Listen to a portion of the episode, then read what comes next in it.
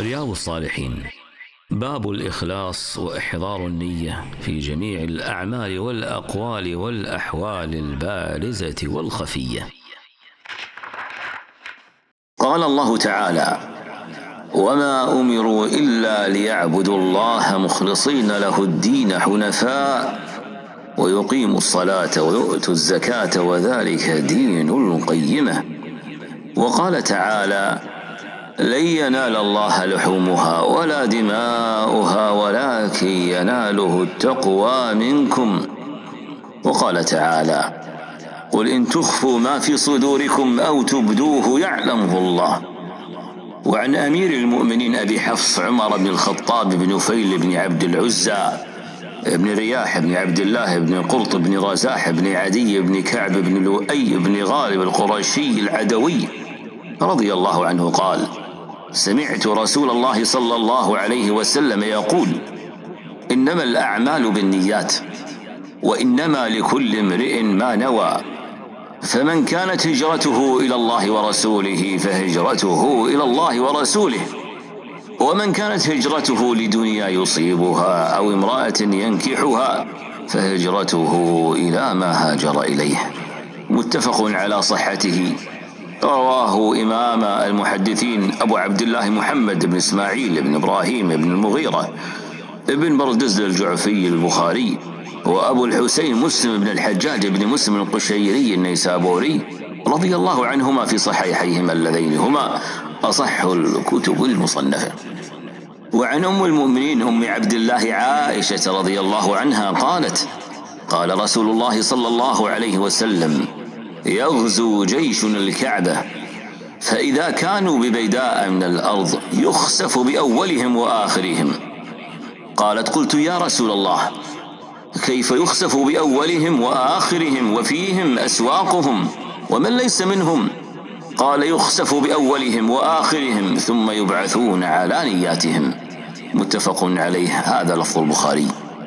وعن عائشة رضي الله عنها قالت قال النبي صلى الله عليه وسلم لا هجرة بعد الفتح ولكن جهاد ونية. فإذا استنفرتم فانفروا. متفق عليه. ومعناه لا هجرة من مكة لأنها صارت دار إسلام.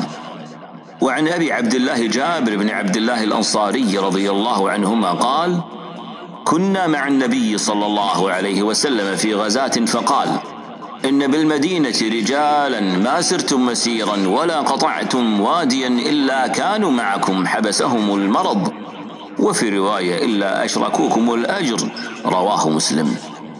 ورواه البخاري عن أنس رضي الله عنه قال رجعنا من غزوة تبوك مع النبي صلى الله عليه وسلم فقال إن أقواما خلفنا بالمدينة ما سلكنا شعبا ولا واديا إلا وهم معنا حبسهم العذر. وعن أبي يزيد معن بن يزيد بن الأخنس رضي الله عنهم وهو وأبوه وجده صحابيون. قال كان أبي يزيد أخرج دنانير يتصدق بها فوضعها عند رجل في المسجد فجئت فأخذتها فأتيته بها. فقال والله ما إياك أردت. فخاصمته إلى رسول الله صلى الله عليه وسلم فقال لك ما نويت يا يزيد ولك ما أخذت يا معن. رواه البخاري. وعن أبي إسحاق سعد بن أبي وقاص مالك بن أهيب بن عبد مناف بن زهرة بن كلاب بن مرة بن كعب بن لؤي القرشي الزهري رضي الله عنه. أحد العشرة المشهود لهم بالجنة رضي الله عنه.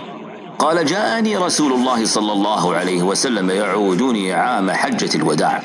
من وجع اشتد بي فقلت يا رسول الله إني قد بلغ بي من الوجع ما ترى وأنا ذو مال. ولا يرثني إلا ابنة لي. أفأتصدق بثلثي مالي؟ قال لا. قلت فالشطر يا رسول الله. قال لا. قلت فالثلث يا رسول الله. قال الثلث والثلث كثير أو كبير. إنك أن تذر ورثتك أغنياء خير من أن تذرهم عالة يتكففون الناس. وإنك لن تنفق نفقة تبتغي بها وجه الله إلا أجرت عليها حتى ما تجعل في في امرأتك. قال فقلت يا رسول الله أخلف بعد أصحابي؟ قال إنك لن تخلف فتعمل عملا تبتغي به وجه الله إلا ازددت به درجة ورفعة. ولعلك أن تخلف حتى ينتفع بك أقوام ويضر بك آخرون. اللهم أمضي لأصحابي هجرتهم ولا تردهم على أعقابهم. لكن البائس سعد بن خولة يرثي له رسول الله صلى الله عليه وسلم أن مات بمكة متفق عليه. وقوله صلى الله عليه وسلم لكن البائس سعد بن خولة رضي الله عنه أنه توفي بمكة والبائس هو الذي عليه أثر البؤس وهو شدة الفقر والحاجة. وقوله يرثي له رسول الله أي يتحزن ويتوجع له صلى الله عليه وسلم لأجل وفاته بمكة التي هاجر منها. وقيل أن سعد بن خولة أسلم ولم يهاجر من مكة فكان بؤسه من عدم هجرته. وقيل هاجر وشهد بدرا ثم انصرف إلى مكة ومات فيها.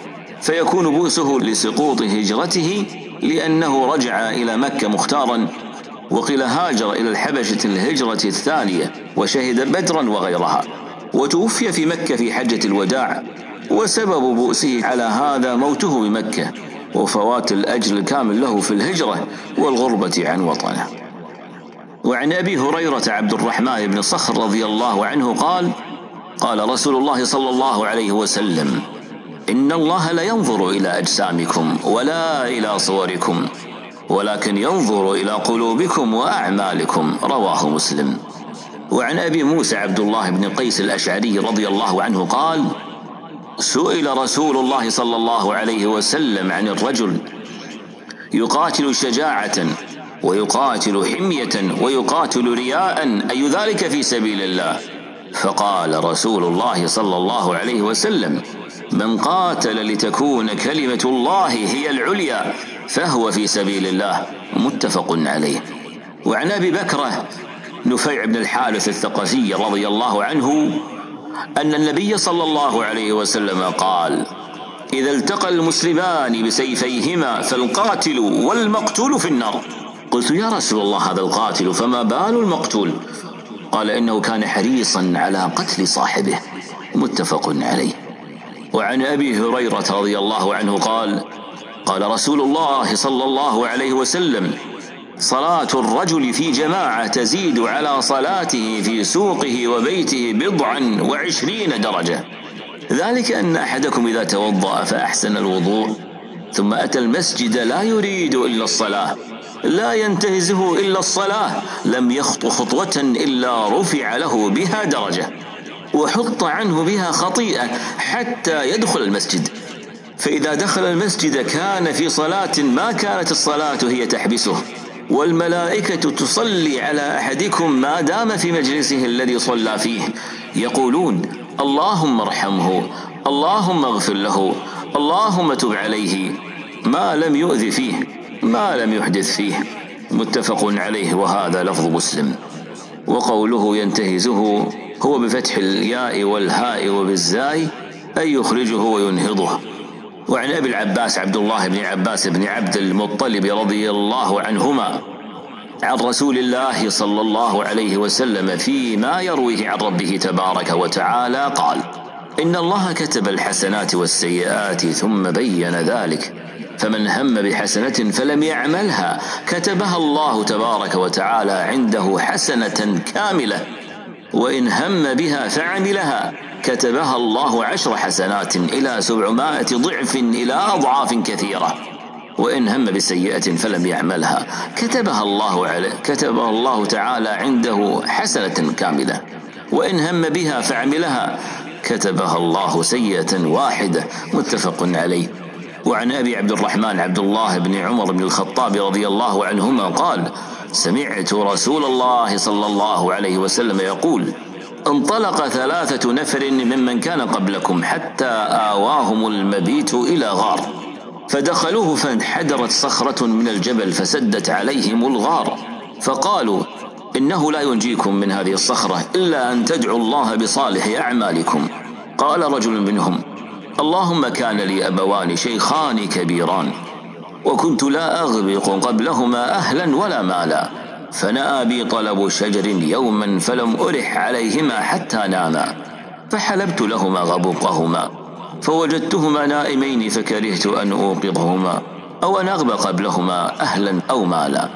فلبثت وانقدحوا على يدي أنتظر استيقاظهما حتى برق الفجر والصبية يتضاغون عند قدمي فاستيقظا فشربا غبوقهما اللهم إن كنت فعلت ذلك ابتغاء وجهك ففرج عنا ما نحن فيه من هذه الصخرة.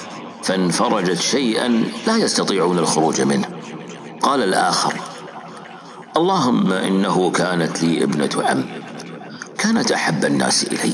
وفي رواية كنت أحبها أشد ما يحب الرجال والنساء فأردتها على نفسها فامتنعت مني.